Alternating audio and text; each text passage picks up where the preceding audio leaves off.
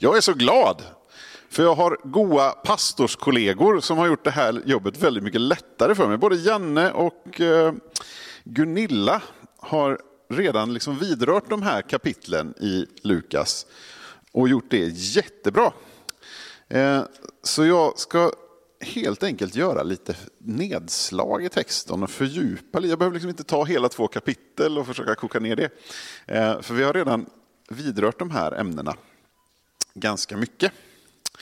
Eh, och det är jättebra. Men eh, vi ska göra lite granna nedslag i de här kapitel 4 och kapitel 5 som beskriver egentligen Jesu tidiga verksamhet. Alltså när Jesus började sin formella tjänst kan man säga. Eh, dopet vid Jordan var startpunkten för Jesu verksamhet. Och eh, där beskrivs då hur den helige ande kommer ner och sänker sig över Jesus. Och Lukas är den enda av evangelisterna som säger att det var när Jesus bad. De andra säger bara att det kom, den helige ande sänkte sig ner som en duva. Och Det är lite intressant att tänka sig det där. Hur visste de att det var den helige ande? För vi förstår ju idag att den helige andes symbol, eller symbolen av en duva ofta symboliserar den helige ande, men det kommer sig ju av det som hände där. Och Det är så med under och tecken att det händer någonting externt, men för att förstå innebörden av det så måste man också se i det fördolda. Så någonstans så är det så att lärjungarna har liksom fått medvetande om att det var det som skedde. Men vi ska börja i en annan ände. Vi ska börja ställa oss frågan, vem är denne Jesus egentligen? Vadå säger du? Det har jag vetat länge vem han är. Han är ju min herre och frälsare, det är väl inget nytt. Nej, men det ligger faktiskt en stor utmaning i att rätt förstå vem Jesus egentligen är. Den frågan är av evig betydelse. Dels är den av evig betydelse givetvis för frälsningen. Alltså varje människa som någonsin har levt, före eller efter Kristus, har ett val att träffa i förhållandet till Guds frälsningsplan och Guds Messias. Före Kristus så talade profeterna om den Messias som skulle komma. Och de helgon som fanns under gamla testamentets tid, de levde i tron på den frälsare som skulle uppenbaras, som de inte hade sett ännu. Så det var också ett ställningstagande så att säga, för Kristus, för Messias, för Guds plan. Och leva i förtröstan på det man ännu inte hade sett. Vi har ju en oändligt stor förmån att vi lever i nytestamentlig tid där vi har trovärdiga vittnen. Vi har allting nedtecknat. Vi har till och med fyra upplagor av evangeliet. Berättade från olika eh, personers ögonvittnesskildringar, olika synvinklar på samma händelseförlopp. Så att det, ni vet att i biblisk terminologi så säger man att på två eller tre vittnens ord ska en sak avgöras. Så här har Gud gått ett steg längre och gett oss ett fjärde vittne. Vi har fyra vittnesbörd för att det ska vara klarlagt bortom all tvivel att det här är någonting som vi kan luta oss på och ta till oss och, och, och liksom studera. Men för, även för de som aldrig lär känna Jesus som sin personliga frälsare så är ju hans identitet av avgörande betydelse. Alltså om man konstant hela livet tar avstånd från Kristus och vem han är så får det eviga konsekvenser. Om man förkastar den räddnings och frälsningsplan som Gud har gjort tillgänglig och säger jag vill inte ha med Gud att göra, eller jag vägrar att tro att det kan finnas en Gud, eller jag vägrar att underordna mig den Gud som jag kanske tror finns, eller jag är inte ens intresserad av att ta reda på det. Allt det där får ju konsekvenser i ett evighetsperspektiv. Att leva evigt skilt från Gud, det är per definition ett helvete i sig. Alltså Gud är källan till allt som är gott. Gud är källan till allt som är vackert, fantastiskt, underbart, liv, hälsa och välgång. Allt gott kommer från ovan från himlaljusens fader, hos vilken ingen växling finns mellan mörker och ljus, står det i ett bibelord. Vem är då denne Jesus? Jo, Petrus ger oss ett korrekt svar. Och då ska vi faktiskt ta det svaret ifrån Matteus, inte från Lukas, för där är det formulerat på ett väldigt tydligt sätt. Han säger det här i Matteus 16 och 16. Det finns ett parallellställe i Lukas också, men det är inte riktigt lika utförligt. Matteus 16. Och vi läser från vers 14, eller 13 för att få lite kontext också. När Jesus kom till området kring Caesarea Filippi frågade han sina lärjungar, vem säger människorna att Människosonen är? Och de svarade, somliga säger Johannes döparen, men andra säger Elia och andra Jeremia eller någon profet. Och ni, frågade han, vem säger ni att jag är? Simon Petrus svarade, du är Messias, den levande Gudens son. Då sa Jesus till honom, salig är du Simon Jonasson. Ty ingen av kött och blod har uppenbarat detta för dig, utan min fader i himlen. Och jag säger dig att du är Petrus klippan, och på den klippan ska jag bygga min kyrka. Och dödsrikets portar ska aldrig få makt över den. Du är Messias, den levande Gudens son. Märk väl att Jesus håller med om den beskrivningen. Det här var ju totalt oerhörda ord för en jude, rätttroende from jude att ta i sin mun. För det första att säga att Gud skulle ha en son Jahve har ingen son för en rättroende jude. Det är hädelse av största rang. Deras Gud Jahve är en. Det finns ingen son till Gud, till Gud. Det fanns en profetia om en som kallades Människosonen i Daniels bok. Men den förstod man inte alls som att det skulle vara Gud själv. Det här var nyheter. Så det är oerhört stora ord som Petrus tar i sin mun. Och han identifierar dessutom Jesus som Messias, den utlovade konungen som skulle komma. Han som alla profetiorna talade om i gamla testamentet. Och Jesus accepterar hans beskrivning och säger, salig är du Simon Barjona. För det här har du inte tänkt ut av dig själv, utan Gud, Fadern, har uppenbarat detta för dig. Och i Lukas 3 och 22 som vi pratade om förra gången, just i samband med dopet så står det ju att en röst hördes ifrån himmelen. Gud Fadern talar vid Jesu dop och säger, du är min älskade son, du är min utvalde. Och vi behöver vara lite noggranna med Jesu person för att rätt förstå evangeliet. Alltså Jesus är Messias, Guds son. Han är inte samma person som Fadern. Och ofta om vi läser och närmar oss en bibeltext så gör Bibeln skillnad på när Fadern agerar och när Sonen agerar. Och ibland är det Gud som agerar som treenighet. Och det där behöver vi ha lite distinktion för. Vi har lätt för att bara sätta ett enkelt likhetstecken och säga Jesus är Gud. Men då förminskar vi den uppenbarelse Gud har gett om sig själv som Fader, Son, Helig Ande. Om vi bara säger och tänker i en väldigt enkel bild, alltså om jag har koll på vem Gud är, det är Jesus. Jesus är Gud. Nej, Jesus är av gudomlig natur. Men han är Guds son. Född av Fadern före all tid, säger Johannes i sitt evangelium. Det innebär att Fadern och Sonen och den helige Ande alla är fullt ut Gud, fullt ut del av den treeniga gudomen. Men Fadern är inte Sonen, och Sonen är inte Anden, och Anden är inte Fadern. Vi behöver göra en distinktion. Och varför är det där viktigt? Jo, därför att vår bild av Gud formas lite grann av hur vi ser kring de här frågorna.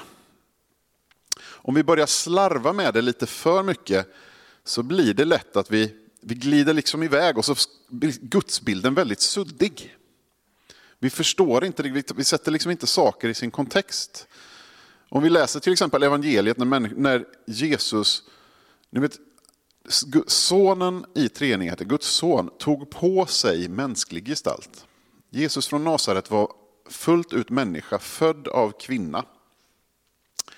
Och samtidigt så var han av gudomlig natur, född av Fadern före alltid. Det här är ett mysterium som vi inte riktigt kan greppa. Det är större än vår fattningsförmåga. Men vi kan ändå förhålla oss till det. Att han är evig Gud, men han är inte densamme som Fadern. Men han tog på sig mänsklig gestalt och lät sig födas som människa. Han kom till oss i ödmjukhet. Och när vi läser evangeliet så är det handlingarna som Jesus, människan, utförde ibland oss för våran räkning som beskrivs. Jesus la tillfälligt bort bruket av sina gudomliga attribut. Människan Jesus från Nasaret var inte allestädes närvarande, han var inte överallt. Han var, var en punkt samtidigt, för han hade en mänsklig kropp, han hade mänskliga begränsningar. Han var inte allvetande. Han gjorde inte bruk av sin, all, sin, sin all, sitt allvetande kunskap, utan han förlitades på, på vad Fadern sa. Vad Fadern säger, det har jag gjort. Han utförde mirakler i Guds kraft, men han gjorde det som människa i den helige ande. Det är, den det är anden som verkar med undergörande kraft när Jesus vandrar omkring. Och därför är det intressant att studera början på Lukas 4, när Jesus frestas. Där står det att ledd av anden var han 40 dagar ute i öknen och sattes på prov av djävulen. Anden ledde Jesus ut i öknen för att han skulle sättas på prov. Det var inte så att han råkade befinna sig i en öken. Eller att han liksom bara släntrade in där och, och nej, men jag ska nog, jag ska nog fasta lite. Utan han leddes, anden sa till honom, nu behöver du vandra ut i öknen. Det här är en del av planen. Det här är en del av vad som ska utföras. Det här är en del av vad du är sänd hit att göra. Det första som händer i Jesu publika tjänst efter, att, efter dopet, efter att han har blivit invigd till att tjäna som Guds Messias och gå, börja vandringen mot korset och döden och uppståndelsen. Det första som händer är att han sätts på prov.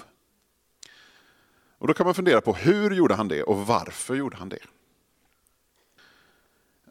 Det finns en mening med Gud, av Gud i prövningen. Prövningen var liksom inte ovidkommande, den hade en full mening. Eh, och Det står på flera ställen i Bibeln att, Gud, att Jesus var på, frestad och prövad på alla sätt som vi, men han var utan synd. Och där finns det två olika synsätt att se på det. En del bibelutläggare hävdar att eh, Jesus var fullt ut som vi. Han skulle ha kunnat synda, han blev frestad och han skulle ha kunnat synda, men han gjorde det aldrig. Och då betonar man den sidan som säger att han är vår överste präst som fullt ut kan sympatisera med oss. Den andra sättet att se på det, då säger man att nej, eftersom Jesus är Gud, han har alltid varit Gud, han är född av Fadern före all tid. Om Jesus är fullt ut Gud så är han oförmögen att synda, därför att Gud kan inte synda per definition. Synd är per definition någonting som är emot Guds vilja. Och Gud kan inte bryta mot sin egen vilja. Det är liksom en orimlighet i sig. Därför var Jesus ofelbar på det sättet att han kunde helt enkelt inte synda. Och det här kan man tänka olika om, det är inte någon fråga som är avgörande. Men eh, om man antar att Jesu ofelbarhet är rimligt, ett rimligt antagande, så förstår man att den här prövningen var till för två saker egentligen. Dels så är det så att mänskligheten hade varit i samma prövning två gånger tidigare. Den första prövningen skedde i paradiset. Adam och Eva ställdes inför ett val. De hade tillgång till livets träd och de hade tillgång till trädet som ger kunskap om gott och ont. De fick ett bud av Herren, ni ska inte äta av trädet som ger kunskap och gott och ont. När ni gör det kommer ni att dö. Och de frestades. På samma sätt som Jesus blev frestad i öknen så kom frestaren till Adam och Eva och talade ord till dem, sätte upp frestelsen framför dem. Ni kan äta av frukten och bli som Gud så att ni förstår skillnaden mellan gott och ont. Och de föll. De klarade inte av att motstå den frestelsen. De föll i synd och drog hela mänskligheten och hela skapelsen med sig. Det var den första prövningen. Den andra prövningen, det var Israels folk i öknen. Israel vandrade i öknen i 40 år, står det i femte Mosebok, för att Herren skulle sätta dem på prov. För att utröna om de skulle följa honom eller inte. För att pröva och testa dem. Och likväl på samma sätt som Israel var i öknen i 40 år var Kristus nu i öknen i 40 dagar. Israel bestod inte sitt test. De knorrade och knotade mot Herren. De gjorde uppror, de var hårdhjärtade och så vidare bortåt. De fick vandra omkring i den där öknen. Och det är intressant att de bibelord som Jesus använder för att motbevisa frestaren. Han citerar ju Bibeln tre gånger eh, för att slå bort frestelserna. Alla de bibelställena finns i femte Mosebok eh, mellan kapitel 6 och kapitel 8. Just där Mose talar till Israels folk om frestelseperioden i öknen och att de misslyckades. Så precis därifrån hämtar Jesus ammunitionen till att slå undan benen på frestaren och säga det står skrivet. Så han fullföljer det som vi hade misslyckats med. Det andra som man kan säga om, om Jesu prövning i öknen, det är att de här frestelserna, han frestas ju tre gånger, de är representativa för tre grundläggande kategorier av frestelser som innefattar allting annat. Så allt som vi utsätts för i form av prövningar, i form av frestelser, i form av det som vill dra oss bort från Gud och få oss att falla i synd, ryms i de här tre kategorierna som vi hämtar från första Johannes 2.16. På engelska så pratar man om the lust of the flesh, the lust of the eyes and the boastful pride of life. Johannes 2.16. Det som finns i världen, vad kroppen begär, vad ögonen åtrår och vad högfärden skryter med, det kommer inte från Fadern utifrån, utan från världen. Det brukar man kalla liksom de tre grundläggande frestelserna. Det börjar med kroppens begär. Han hade fastat i 40 dagar och blev till slut hungrig. Undrar hur lång tid det skulle ta för oss att bli hungriga om vi försökte fasta i 40 dagar.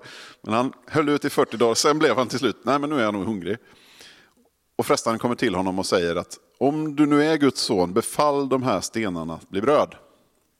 Så får du uppfylla det här kroppens begär, den här hungern som river och sliter i dig. Det är bara ett litet mirakel, det skadar ingen annan. Det gör liksom inte någon skada någonstans. Du kan bara uppfylla dina, dina begär här. För jag förstår att du är hungrig. Kom igen nu, gör ett under. Du kan ju det här, det tar ingen kraft av dig alls. Du kan göra den här stenen till bröd. Och Jesus slår tillbaka med människan ska inte leva endast av brödet, utan av varje ord som utgår från Guds mun. Så det är kroppens begär. Sen kommer det ögonen åtrår. Djävulen tar med honom högt upp på ett berg och visar honom alla riken i världen. Han får se en syn. Han får liksom uppmålat framför sina ögon. Och innebörden i den där synen är ju egentligen att han erbjuds en vandring som inte innebär lidande och död.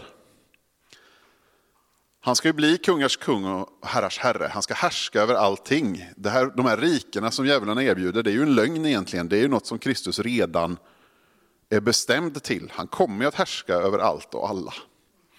Men det djävulen erbjuder är ju en genväg. Fall ner och tillbe mig. så ska jag ge dig det här. Du behöver inte gå till korset, du behöver inte lida. Du kan bli kungars kung och herrars herre utan det där andra. Det är någonting som ögonen begär. Han får se den här visionen av härlighet och liksom att kunna komma till slutmålet redan innan. Och han slår tillbaka med Herren din Gud ska du tillbe och endast honom. Och sen vad högfärden skryter med. Satan tar med honom upp på tempelmuren och säger gör nu ett mirakel, kasta dig ner härifrån och visa att du är Guds son. Var lite show-off. Så folk får se dig och tro att du är den du säger att du är. Du kan väl visa upp dig lite. Det är vad högfärden skryter med, som han frestas med. Visa din makt. Och Jesus svarar med, du ska inte sätta Herren din Gud på prov. Så två syften med, med frestelsen i öknen. Dels att Jesus skulle vinna en seger där vi hade förlorat. Två gånger har mänskligheten förlorat. Dels alla människor genom Adam, dels Guds utvalda folk, Israel i öknen. Där skulle han vinna sin första seger över djävulen. Och det andra är för Jesus att sätta ett exempel för oss alla att följa. När vi möter prövningar så kan vi själva se, okej, okay, vilken av de här tre kategorierna är det jag är frestad på? Hur gjorde Jesus för att övervinna det? Och han slog tillbaka med Guds ord. Vad kan jag ta tag i? Vilket löfte kan jag gripa tag i i Bibeln? Paulus säger i Romarbrevet att om ni med ande dödar köttets gärningar ska ni bli räddade. Det innebär att ta tag i andens svärd, ta tag i Guds ordet och använda det för att slå tillbaka och säga nej, det står skrivet att. Jag tänker inte vika ner mig för den här frestelsen, jag slår tillbaka med hjälp av Guds ord. Sen fortsätter Lukas att beskriva hur Jesus börjar att verka bland folket. Och då handlar det om Jesu makt och myndighet. Det som Lukas vill slå fast är att Jesus är den han utger sig för att vara.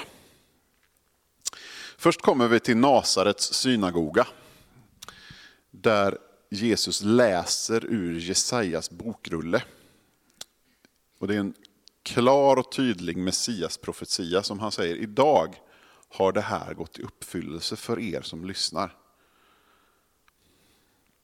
Herrens ande är över mig, ty han har smort mig till att frambära ett glädjebud till de fattiga.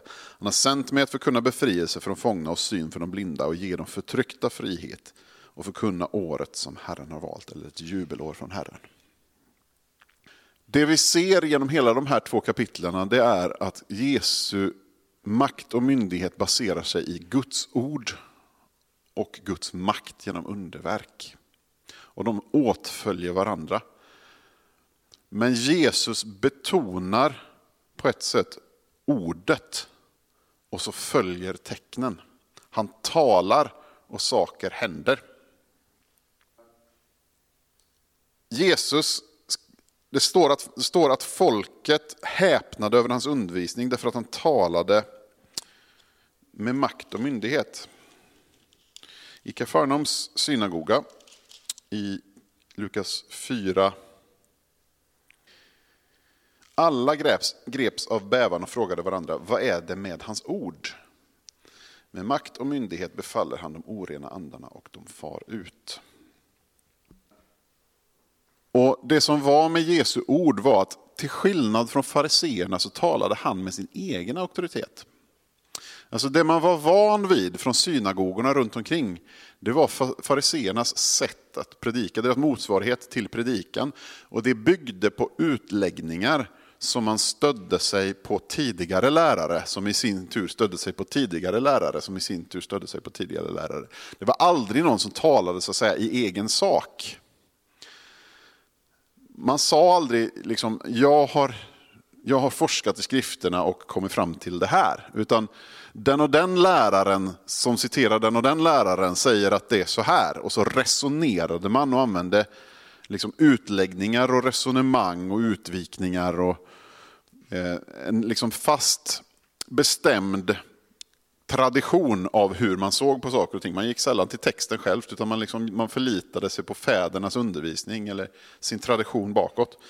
Jesus han gjorde upp med alltihop det där och talade med egen makt och myndighet. Han talade liksom, så här är det. Han, han använde sig av sin egen auktoritet Eh, och talade direkt med makt och myndighet. Och saker och ting inträffade när han sa det. Han, han befallde andarna och de lämnade människor. Han talade strängt till feber och den gick därifrån. Han möter en spetälsk man i Lukas 5 och 12 och talar till honom. Några exempel på det här. Simons svärmor i Lukas 4 och eh, 39 så går han fram till Simons svärmor som ligger sjuk i feber, böjde sig över henne och talade strängt till febern och den lämnade henne. Han använde sitt ord. En spetälsk som blir ren i Lukas 5 och 12. Han får se Jesus och kastades sig i marken för, framför honom och bad, Herre, vill du så kan du göra mig ren. Jesus sträckte ut handen, rörde vid honom och sa, jag vill bli ren. Och genast försvann spetälskan. Han använde sitt ord och det låg makt och myndighet bakom ordet. Han talade till spetälskan och den försvann. Sen finns också berättelsen om en lam man i Kafarnaum. Det är den berättelsen vet ni när de bryter upp taket och sänker ner en person framför Jesus. Den, den brukar man berätta i söndagsskolan många gånger. Har ni hört, eh, är det någon som har hört eh, Lennart från Oas prata om den? Det finns en inspelning med honom. Han berättade den jätteroligt. Det kommer en rumpa i taket. Det jätteroligt. Men det som händer i den episoden det är att Jesus använder sitt ord igen. Från Lukas 5 och 19. När männen som kom med den lame inte kunde ta sig in med honom i trängseln gick de upp på taket, tog bort teglet och firade ner honom på hans bår mitt framför Jesus. Och när Jesus såg deras tro så sa han, ja vad sa han? Min vän, du har fått förlåtelse för dina synder. Han prioriterar budskapet, evangeliet, Guds rike är nu här, du får förlåtelse för dina synder. Det var det viktiga. Då tänkte de skriftledda och fariseerna, vad är det för en hädare? Vem kan förlåta synder utom Gud? Och Jesus förstod vad de har för tankar och sa till dem, vad är det ni tänker i era hjärtan? Vilket är lättast att säga? Du har fått förlåtelse för dina synder. Eller att säga stig upp och gå. Ja, vilket är lättast? Ja, mänskligt sett är det ju lättast att säga du har fått förlåtelse för dina synder, för det kan ju ingen kontrollera. Det blir ju inget synligt resultat av det. Eller hur? Så som människa hade han ju kunnat liksom ljuga ihop en, ja men eh, du är förlåten, bra. Och så var det inte mer med det. Men gudomligt sett, och det är ju egentligen, där får man ge fariseerna rätt till viss del. Alltså utifrån deras synvinkel och där de stod, så var det ju under förutsättning att Jesus hade varit bara en man, så har han ju inte rätt att förlåta synder begångna mot Gud. Så från deras egen förförståelse så tänker de ju faktiskt teologiskt rätt från sin egen synpunkt. Han hädar ju, vänta nu, han förlåter synder. Det får han inte lov att göra. Synderna har vi ju begått mot Gud, det är bara Gud som får förlåta dem. Vilket är lättast att säga, du har fått förlåtelse för dina synder, eller att säga stig upp och gå. Men för att ni ska veta att Människosonen har makt här på jorden att förlåta synder, så säger jag dig. Och så talar han till den lame. Stig upp, ta din bår och gå hem. Genast reste han sig, mitt för ögonen på dem, tog båren han legat på och gick hem. Det räckte med ett ord från Jesus. Och det var det andra ordet han sa, det första, det var det viktigaste. Du har fått förlåtelse för dina synder. Sen fick han också som ett under och tecken som bekräftar Jesu ord ett helande mirakel också. I Lukas 5 beskrivs också fiskefångsten. Lukas lägger den här episoden lite tidigare än vad de andra evangelisterna gör. Han lägger den ihop med andra berättelser som handlar om vem Jesus är. Kronologiskt så är det förmodligen mer rätt som Markus gör, att han lägger den senare. Därför att eh, det framgår av den här historien, så som Lukas skriver den också, att lärjungarna var redan kallade. Han säger aldrig till de här, följ mig, utan det beskrivs att Jesus agerar med makt och myndighet en gång till. Han stod vid Genesaretsjön och folket trängde på för att få höra Guds ord. Då fick han se två båtar ligga vid stranden. Fiskarna hade gått ut för att skölja näten och han steg i den ena båten som tillhörde Simon och bad honom ro ut ett litet stycke. Sen satte han sig ner och undervisade folket från båten och när han slutat tala sa han till Simon, ro ut på djupt vatten och lägg ut näten där. Simon svarade, Mästare, vi har hållit på hela natten utan att få något, men eftersom du säger det ska jag lägga ut näten. Alltså Simon var erfaren fiskare, han har hållit på med det här hela livet. Han insåg att om man inte fått någon fisk på hela natten, när man normalt brukar kunna få fisk, då får man definitivt ingen fisk på dagen. För där brukar man inte få fisk alls, det visste han. Det var därför de hade hållit på hela natten, för att det var då man brukade kunna få fisk. När fiskarna är lite mer aktiva och dessutom inte blir störda liksom av det som händer på ytan. Men Jesus ger en befallning och Simon har någonstans förstått redan att här finns en som talar med makt och myndighet. Här finns det någonting som gör att jag bör nog kanske göra vad han säger. Eh, så han säger, för att du säger det så ska jag göra det. De gjorde så och drog ihop en väldig mängd fisk. Näten var nära att brista. Och de vinkade åt sina kamrater i den andra båten att komma och hjälpa till. De kom och man fick så mycket fisk i båda båtarna att de höll på att sjunka. Då kastade sig Simon Petrus ner vid Jesu knän och sa, lämna mig Herre, jag är en syndare. Ty han och de andra som var med honom greps av bävan när de såg all fisken de hade fångat. Och det var inte för att det var mycket fisk som man greps av bävan, utan för just att Jesus hade talat det in i varande. Han talade och fisk samlades och fyllde näten till bredden så mycket att båtarna höll på att sjunka.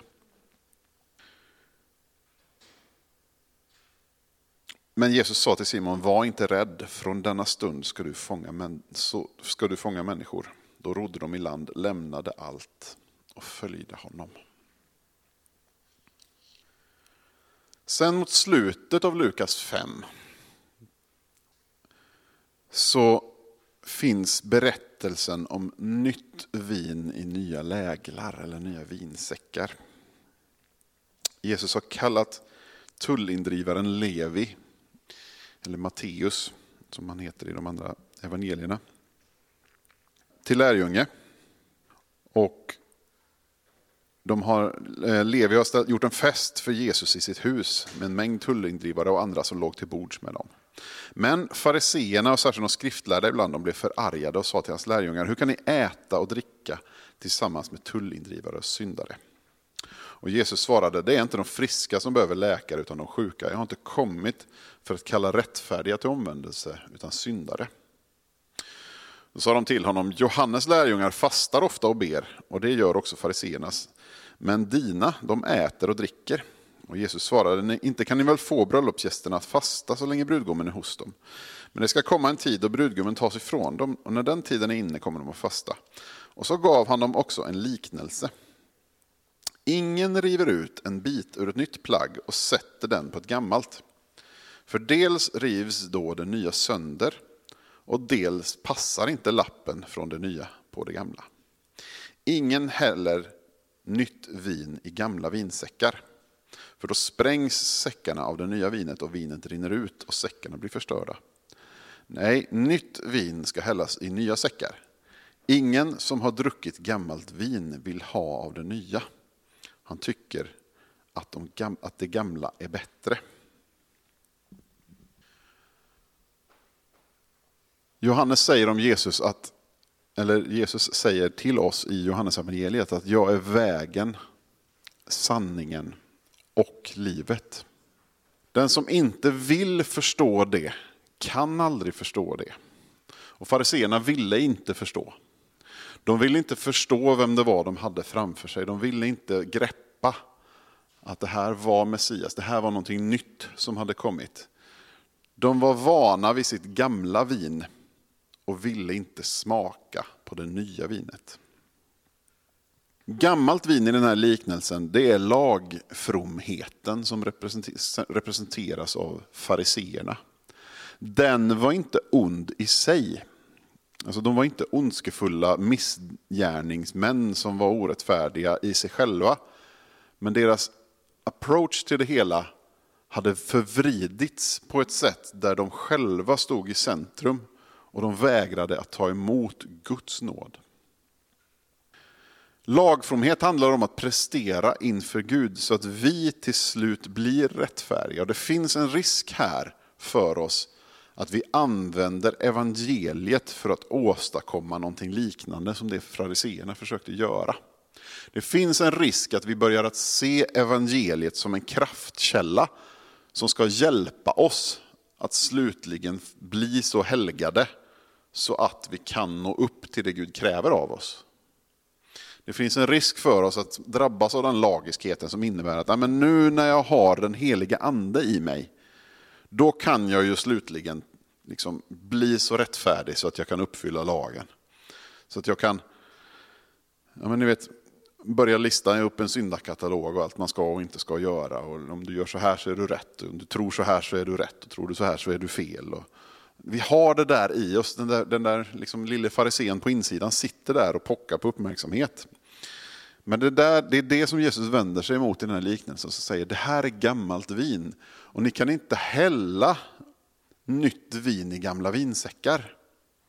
Ni kan inte hälla i evangeliet i den här gamla säcken av lagfromhet och säga det är lagfromheten som är liksom ramverket och så häller vi lite evangelium i det. Då spricker alltihopa och vinet rinner ut och det blir liksom bara pannkaka av alltihop. Du måste skaffa dig en ny vinsäck som är anpassad till att inrymma evangeliet som säger att Gud i Kristus har gjort en väg. Han är vägen. Han är sanningen och han är livet. Och på grund av det han har gjort, oberoende av allting annat, är vi frälsta och har en plats i Guds rike och får tillhöra Guds familj och bli inympade i hans folk.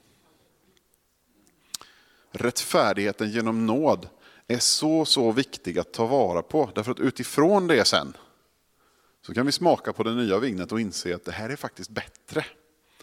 Det här leder till en rättfärdighet som inte är baserad i mig själv, utan som är baserad i Kristus. Och då får jag kraft att leva likt Kristus. Då finns kraftkällan där, inte till att uppfylla det han redan har uppfyllt, utan till att leva ett helgat liv i hans efterföljd. Jag får kraft att bli förvandlad Anpassa er inte efter denna världen utan låt er förvandlat genom sinnesförnyelse. Det där sinnesförnyelse kommer med evangeliet och förståelsen av att det kommer inte an på mig och det jag gör eller presterar. Det kommer an på Gud och vem han är. Vem är då denne Jesus? Bibeln säger att han är Guds Messias. Det innebär Guds smorde. Han som det talas om i Jesajas rulle, Herrens ande är över mig, för han har smort mig till ett uppdrag, säger Jesus. Messias är den som ska upprätta riket och vara dess kung. Det är vem Kristus är. Men han är också människosonen. Han som kommer på himmelens moln för att döma levande och döda, som vi säger i trosbekännelsen. Därifrån igenkommande till att leva, döma levande och döda. Människosonen hittar vi i Daniels bok. Men Jesus är också Immanuel ifrån profeterna, som är Gud med oss. Han är Gud född till människa för att dela våra villkor. Och i den bemärkelsen så är han vår medlare och vår överste präst. Han är den som står oss nära, som har delat våra livsvillkor, som sympatiserar med oss därför att han har varit begränsad av samma svagheter som vi, men aldrig syndat. Han är också den levande Gudens son, själv Gud och alltid nära Fadern. Jesus är Gud uppenbarad för oss, vår frälsare, vår vän, vår konung, vår Herre och vår Gud. Amen.